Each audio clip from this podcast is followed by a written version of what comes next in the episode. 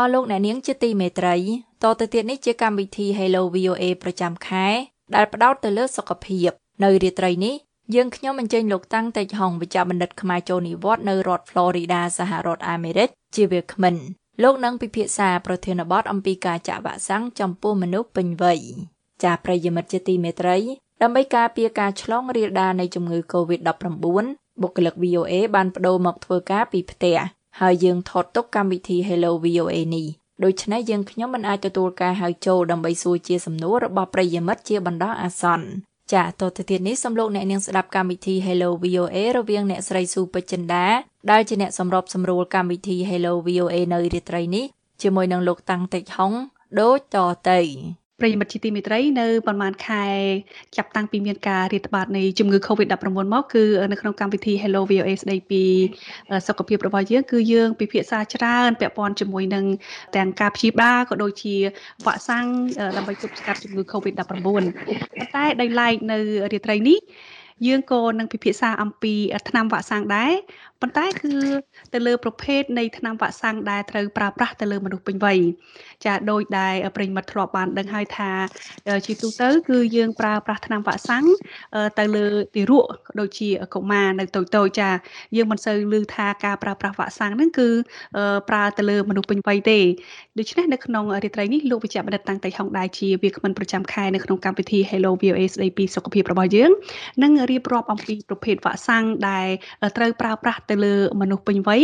តើវ៉ាក់សាំងទាំងនោះជាប្រភេទវ៉ាក់សាំងអ្វីខ្លះហើយវាមានសារៈសំខាន់អ្វីខ្លះដើម្បីបង្ការជំងឺផ្សេងផ្សេងទៅលើមនុស្សពេញវ័យចាដូច្នេះនាងខ្ញុំសូមអញ្ជើញលោកវិជ្ជបណ្ឌិតតាំងតេហុងចូលរួមក្នុងកម្មវិធីរបស់យើងតែម្ដងចាសូមជម្រាបសួរលោកវិជ្ជបណ្ឌិតនិងសូមសួស្តីឆ្នាំថ្មីទៅលោកវិជ្ជបណ្ឌិតផងចាបាទសួស្តីអ្នកស្រីពេជ្រចិន្តានិងជនរួមជាតិខ្មែរទាំងអស់ក្នុងពិភពលោកបាទហើយសួស្តីឆ្នាំថ្មីឆ្នាំ 2021ជាឆ្នាំសង្ឃឹមពីព្រោះយើងមានវ៉ាក់ស៊ីនហើយឆ្នាំនេះវ៉ាក់ស៊ីននឹងសម្រាប់ប្រឆាំងជាមួយនឹង COVID-19 ហ្នឹងហើយវ៉ាក់ស៊ីនហ្នឹងគឺថាមានប្រសិទ្ធភាពខ្លាំងណាស់ជាង95%ដូច្នេះនេះសេចក្តីសង្ឃឹមថាឆ្នាំហ្នឹងយើងនឹង say goodbye ទៅលើ COVID ហើយនៅចុងឆ្នាំហ្នឹងបាទ COVID-19 បាទថ្ងៃនេះយើងនិយាយអំពីវ៉ាក់សាំងសម្រាប់មនុស្សពេញវ័យ ជាដំបូងខ្ញុំសូមរំលឹកថាការចាក់វ៉ាក់សាំងហ្នឹងវាគេជាទំនៀមទម្លាប់គឺថាគេចាក់នៅលើកូនក្មេងហើយដើម្បីការពារជំងឺច្រើនយ៉ាងជំងឺខាន់ស្លាក់ជំងឺតេតាណូសខកមាន់ជំងឺប៉ូលីយ៉ូហើយជំងឺផ្សេងផ្សេងទៀតហើយជំងឺអុតស្វាយហើយជាពិសេសកូនក្មេងក៏ប៉ុន្តែកុំភ្លេចថាហើយ ខ្មែរយើងភាគច្រើនអត់បានដឹងរឿងហ្នឹងទេគឺថាសំបីតែយើង ជាមនុស្សពេញវ័យហើយក៏គេអាចមានវ៉ាក់សាំងដែលត្រូវចាក់ដែរវ៉ាក់សាំងហ្នឹងមានច្រើនមុខទាំងអស់យើងសំខាន់សំខាន់មាន8មុខគឺផ្ដាសាយធំវ៉ាក់សាំងសម្រាប់តេតាណូសហើយនឹងក្អកមាន់ហើយខាន់ស្លាក់វ៉ាក់សាំងរើមវ៉ាក់សាំងហើយសម្រាប់លាកសួតវ៉ាក់សាំងសម្រាប់ជំងឺស្រោមរលាកស្រោមខួរ វ៉ាក់សាំងសម្រាប់ hepatitis A វ៉ាក់សាំងសម្រាប់ hepatitis B ហើយចុងក្រោយបំផុតដែលសំខាន់ជាងគេ គឺវ៉ាក់សាំងសម្រាប់ HPV ចាលោកវិជ្ជបណ្ឌិតមុននឹងយើងចូលទៅចំណុចលំអិតពាក់ព័ន្ធជាមួយនឹងវ៉ាក់សាំងនីមួយៗនេះខ្ញុំសូមអនុញ្ញាតសួរលោកវិជ្ជបណ្ឌិតតាក់ទងជាមួយនឹងវ៉ាក់សាំងដែលលោកវិជ្ជបណ្ឌិតទើបតែរៀបរាប់អំបញ្ញមិញវ៉ាក់សាំងរលាកស្រោមខួរវ៉ាក់សាំងជំងឺថ្លើមអីហ្នឹង កាលពីកុមារហ្នឹងគឺក៏ទទួល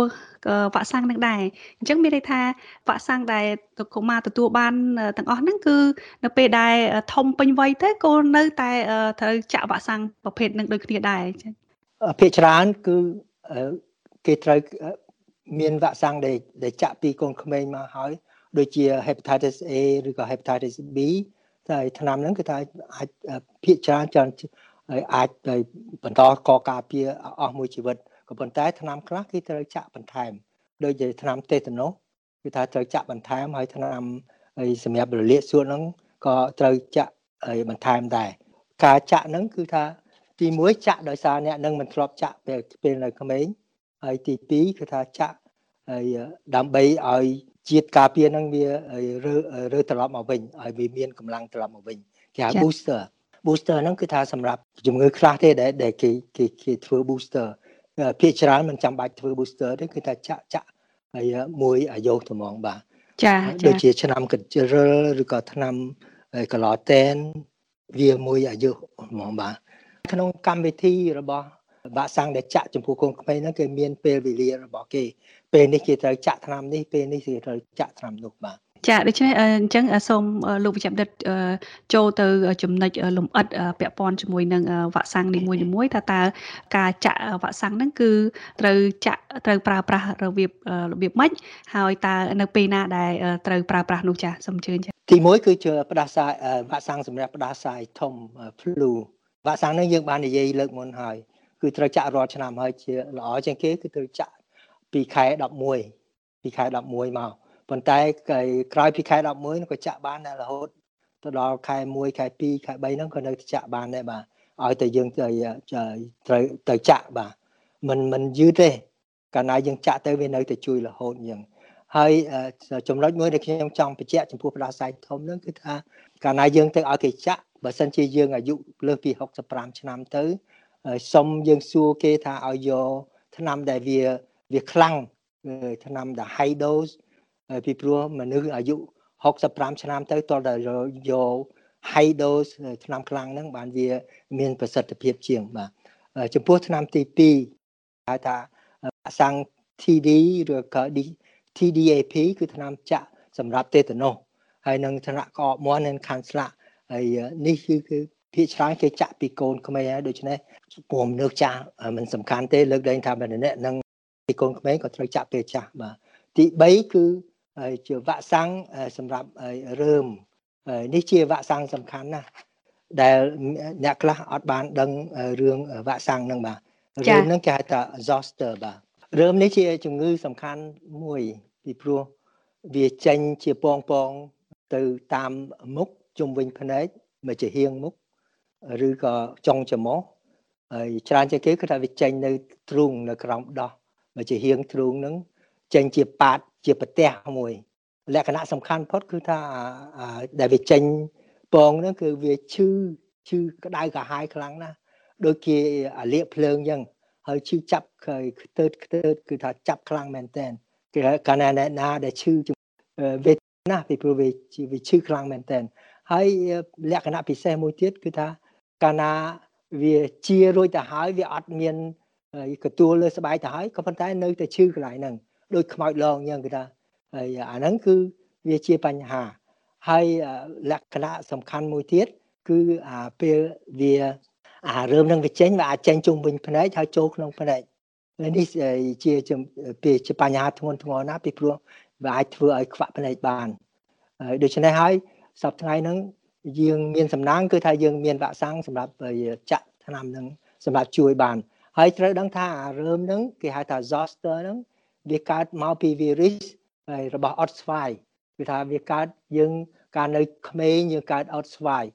ហើយកើតអត់ស្វាយមកវាជាទៅវិញទៅប៉ុន្តែអា virus ហ្នឹងវាអត់ទៅណាទេវានៅដេកក្នុងខ្លួនរបស់យើង ជាពិសេសវាដេកនៅក្នុងសរសៃប្រសាទហើយដូច្នេះហើយបានកាលណាវារើត្រឡប់មកវិញវារើទៅតាមតងនៃសរសៃប្រសាទនឹងឯងហេតុអ្វីបានជាវារើគេមិនដឹងហេតុអ្វីទេគឺថាវារើជាពិសេសកាលណាយើងមាន stress ខ្លាំង ឬក៏មានបញ្ហាអីប៉ះទង្គិចអីខ្លាំងអញ្ចឹងទៅឬក៏មានបញ្ហាប៉ះពាល់ដល់អារម្មណ៍របស់យើងខ្លាំងឬក៏ពេលមានបញ្ហាជាមួយនឹងប្រព័ន្ធការពាររបស់យើងវារើត្រឡប់មកវិញ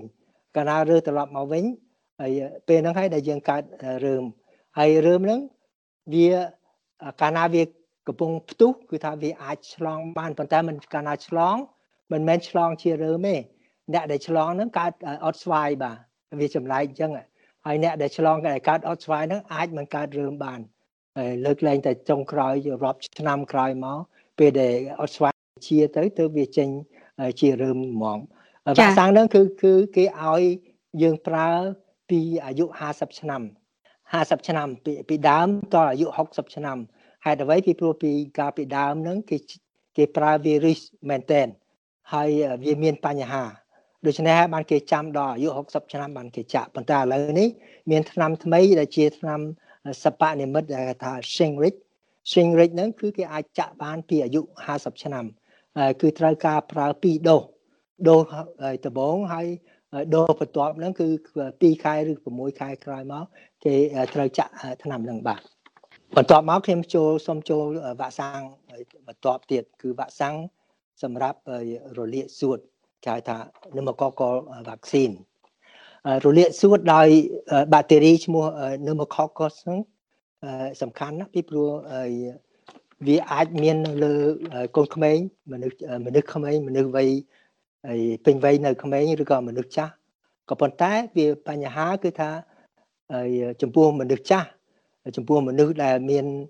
រោគរ៉ាំរ៉ៃគឺថាមេរោគហ្នឹងវាអាច ធ្វើឲ្យបញ្ហាធំគឺថាធ្វើរលាកសួត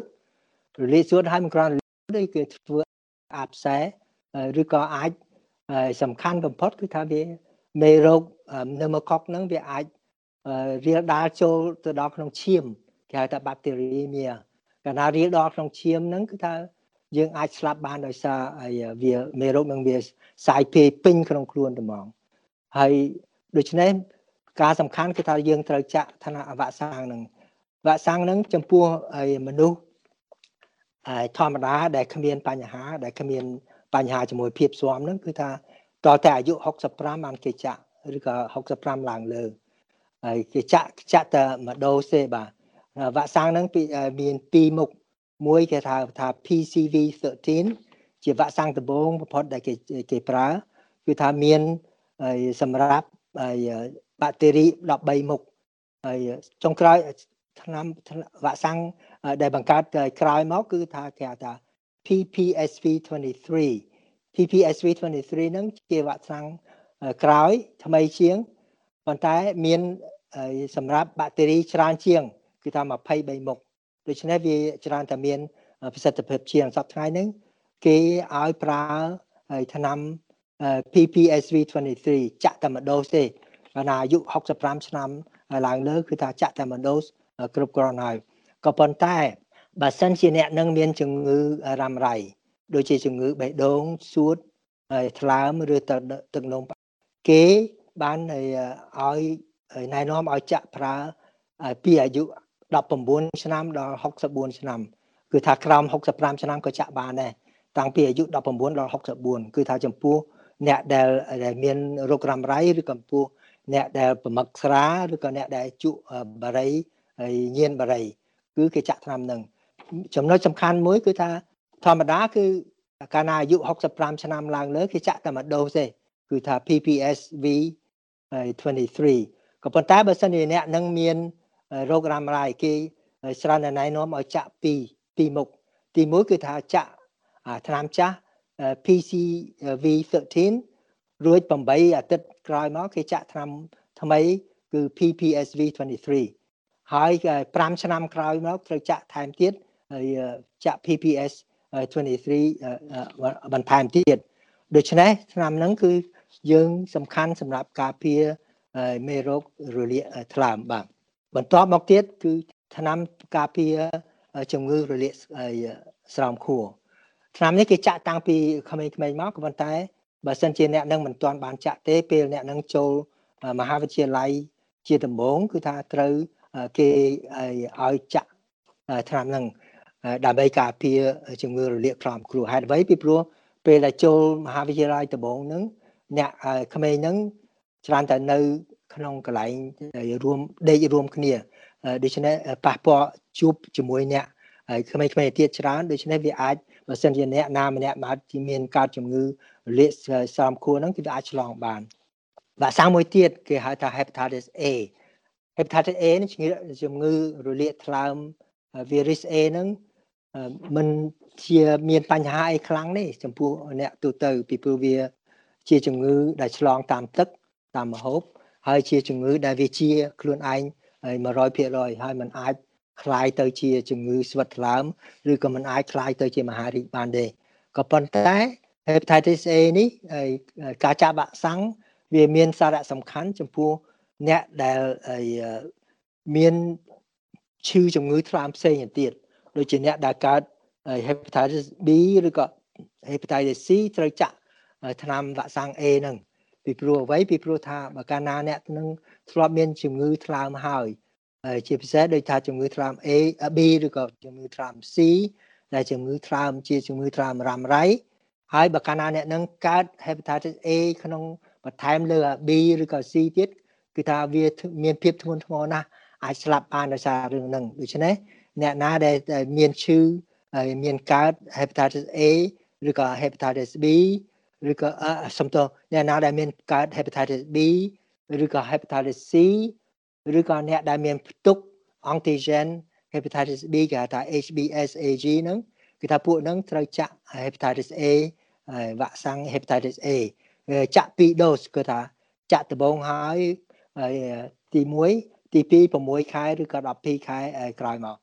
ហើយភាគច្រើនគេច្រើនតែចាក់បើសិនជាមិនធ្លាប់ចាក់ទាំងអស់គឺថាគេចាក់លាយគ្នាបាទ hepatitis A ហើយ B ចាក់លាយគ្នាហ្មងចំពោះអ្នកដែលអត់ទាន់អត់ដែលមានកើត hepatitis B ហ្នឹងគឺចាក់លាយគ្នាតែហ្មង hepatitis A និង B លាយគ្នាហើយអាហ្នឹងគឺត្រូវប្រើត្រូវការប្រើ3 dose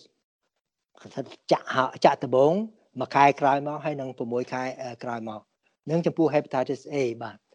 ហើយទីវ៉ាក់សាំងមួយទៀតគឺថាចំពោះ hepatitis B hepatitis B វាសាហាវជាង hepatitis A ហើយវាសាហាវដូច hepatitis C ដែរបញ្ហាមួយគឺថា hepatitis B នឹងអាចបង្កើតជាជំងឺរ៉ាំរ៉ៃអាចคล้ายទៅជាស្វិតថ្លើមហើយដែលសំខាន់ជាងគេបំផុតគឺថាអាចបង្កើតទៅជាមហារីកថ្លើម ស្រុកខ្មែរយើងមានច្រើនណាស់បាទ hepatitis B ហ្នឹងហើយមានអ្នកស្លាប់ដោយសារដោយសារមហារីកថ្លើមច្រើនណាស់ហេតុអ្វីពីព្រោះច្រើនតែឆ្លង ពីម្ដាយទៅកូនហេតុអីដូច្នេះហើយគឺបានជាគេឲ្យកាលណាអ្នកណាមានទម្ងន់គេទៅឲ្យធ្វើតេស្តរក hepatitis B បើសិនជាមាន hepatitis B គេត្រូវគេត្រូវចាក់ថ្នាំឲ្យកូនដែលកើតមកហ្នឹងពេលកើតមកភ្លាមគេចាក់ថ្នាំបាទ ចាក់ថ្នាំដើម្បីកុំឲ្យកូននឹងឆ្លងហើយ hepatitis នេះហើយដូច្នេះកាលណាធ្វើអញ្ចឹងទៅគឺថាអាចបញ្ឈប់ការឆ្លងពីម្ដាយទៅកូនដោយសារមានឆ្លងពីម្ដាយទៅកូនអញ្ចឹងហើយបានជាស្រុកខ្មែរយើងសម្បូរមនុស្សដែលមាន hepatitis B ហើយនឹងក៏ប៉ុន្តែភាគច្រើននៃអ្នកដែលមាន hepatitis B ហ្នឹងគឺថាអត់ឈឺទេអត់ដឹងខ្លួនទេគឺថាមានតែផ្ទុក virus គេហៅថា HBS AG គឺថាមាន virus នៅក្នុងខ្លួនប៉ុន្តែ វាអត់ធ្វើឲ្យឈឺនេះក៏ជាបញ្ហាដែរទុកជាអ្នកនឹងអត់ឈឺក៏ដោយគឺថាដល់អាយុចាស់ទៅពី40ឆ្នាំឡើងទៅគឺ50 40 56ឆ្នាំទៅគឺអ្នកនឹងអាចកើតមហារីកថ្លើមបាទដូច្នេះហើយយើងត្រូវចាក់ hepatitis B vaccine ហ្នឹងដើម្បីបង្ការកុំឲ្យមាន hepatitis B ហ្នឹងដើម្បីកុំឲ្យរលាកថ្លើមដើម្បីកុំឲ្យស្វិតថ្លើម ហើយជាពិសេសដើម្បីកុំឲ្យមានមហារីកថ្លើមថ្នាំហ្នឹងគឺត្រូវត្រូវចាក់3 dose បាទ3 dose គឺថាសម្ចាក់ដំបូងហើយចាក់ខែទី1ហើយនិងខែទី6ហើយជាថ្នាំដែលមានសុវត្ថិភាពខ្លាំងណាស់គឺអត់មានបញ្ហាអីទាំងអស់បាទវ៉ាក់សាំងចុងក្រោយបំផុតចុងក្រោយបំផុតគឺថា HPV នេះជាវ៉ាក់សាំងដែលសំខាន់ណាស់បាទពីព្រោះជាវ៉ាក់សាំងដែលអាចជួយកុំឲ្យ ហើយបង្ការជាពិសេសចំពោះស្ត្រីដែលមានបង្ការកុំឲ្យកើតមហារាជស្បូនបាទមហារាជមាត់ស្បូនជាមហារាជមួយដែលសាហាវជាងគេនៅស្រុកខ្មែរហើយបានសម្លាប់ហើយហើយស្ត្រីខ្មែរអស់ច្រើនណាស់ហើយច្រើនពីព្រោះថាយើងមិនបានដឹងរឿងដែលរោគនេះកើតមកពីអីតាមការពិតភាគច្រើន នៃជំងឺមហារីកស្បូនហ្នឹងគឺកើតមកពី virus HPV នឹងឯង HPV ហ្នឹងគឺ human papilloma virus មានរាប់រយមុខរាប់រយមុខប៉ុន្តែមុខដែលសំខាន់សំខាន់ហើយគឺមុខដែលគេប្រើនៅក្នុងវ៉ាក់សាំងហើយវ៉ាក់សាំងហ្នឹងគឺសប្តាហ៍ហ្នឹងវាវាមានវ៉ាក់សាំង2ហើយមានវ៉ាក់សាំង3មុខបាទ Cervarix ហើយដែល ហើយ Gardasil ហើយនិង Gardasil 9វ៉ាក់សាំងមួយមួយហ្នឹងខុសគ្នាគឺថាពីព្រោះវាវ៉ាក់សាំងមួយមួយហ្នឹងមានពួកក្រុម virus ខុសៗគ្នាបាទដូចជា Cervarix ហ្នឹងដូចខ្ញុំនិយាយមិញអញ្ចឹងគឺថា HPV ហ្នឹងវាមានរាប់រយមុខប៉ុន្តែមុខដែលសំខាន់សំខាន់ដែលបង្កើតមហារាជឬក៏បង្កើតឲ្យកើតជំងឺឬឬក៏សេមន់នៅលើអីលឹងឬក៏នៅលើយូនេនឹង គឺថាវាបង្កើតពី virus អីលេខខុសៗគ្នាបាទដំបូងបំផុត Cervarix Cervarix ហ្នឹងគឺគេ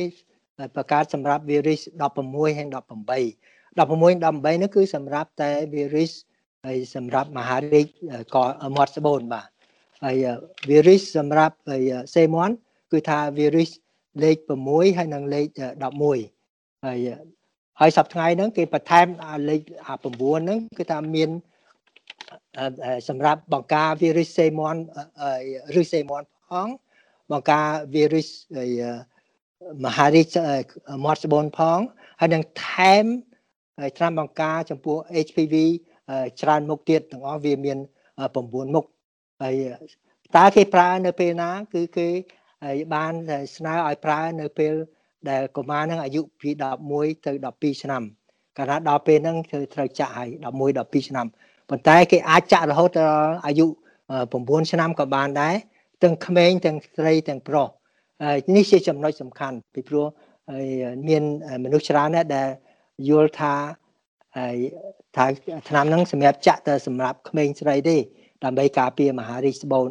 មាត់ស្បូនប៉ុន្តែយើងត្រូវដឹងថា ត្រូវចាក់ថ្នាំហ្នឹងចំពោះទាំងស្រី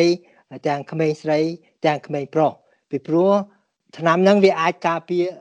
មហារីកមហារីកដែលកើតពី HPV ហ្នឹងសប្តាហ៍គេរកឃើញមាន6មុខបាទមានមហារីកស្បូនមាត់ស្បូនមហារីកទ្វាមាសមហារីកមាត់ទ្វាមាមហារីកលឹងមហារីកគូតហើយនិងមហារីកកកចំណុចសំខាន់ដែលយើងអត់ដឹងគឺថាមហារីកកក ក្នុងមហារីកកកដែលហៅថា oropharynx គឺថានៅក្នុងមាត់ហើយជាពិសេសនៅក្នុងក្អមនៅខាងអណ្ដាតខាងក្រោយខាងក្រោយអណ្ដាតហ្នឹងឬនៅក្នុងក្អមកហ្នឹងភាកច្រើនមានមានច្រើនមនុស្សច្រើនណាស់ដែលកើតជំងឺនឹងដែលកើតមហារីកនៅលើក្នុងកកហ្នឹងគឺថាកើតដោយសារ HPV ដូច្នេះកាលណាយើងចាក់ HPV ទៅគឺថាវាអាចបង្ការ ហើយជួយបង្ការមហារីកនឹងបាន ចាស់ដោយសារតែយើងដល់ទីបញ្ចប់ទៅហើយនាងខ្ញុំក៏សូមបញ្ចប់កម្មវិធី Hello VOA ស្ដីពីសុខភាពតែត្រឹមនេះហើយយើងនឹងជួបគ្នាម្ដងទៀតនៅខែក្រោយចាសូមអរគុណនិងសូមជម្រាបលាលោកវិជ្ជបណ្ឌិតចាសូមជម្រាបលាសូមអរគុណ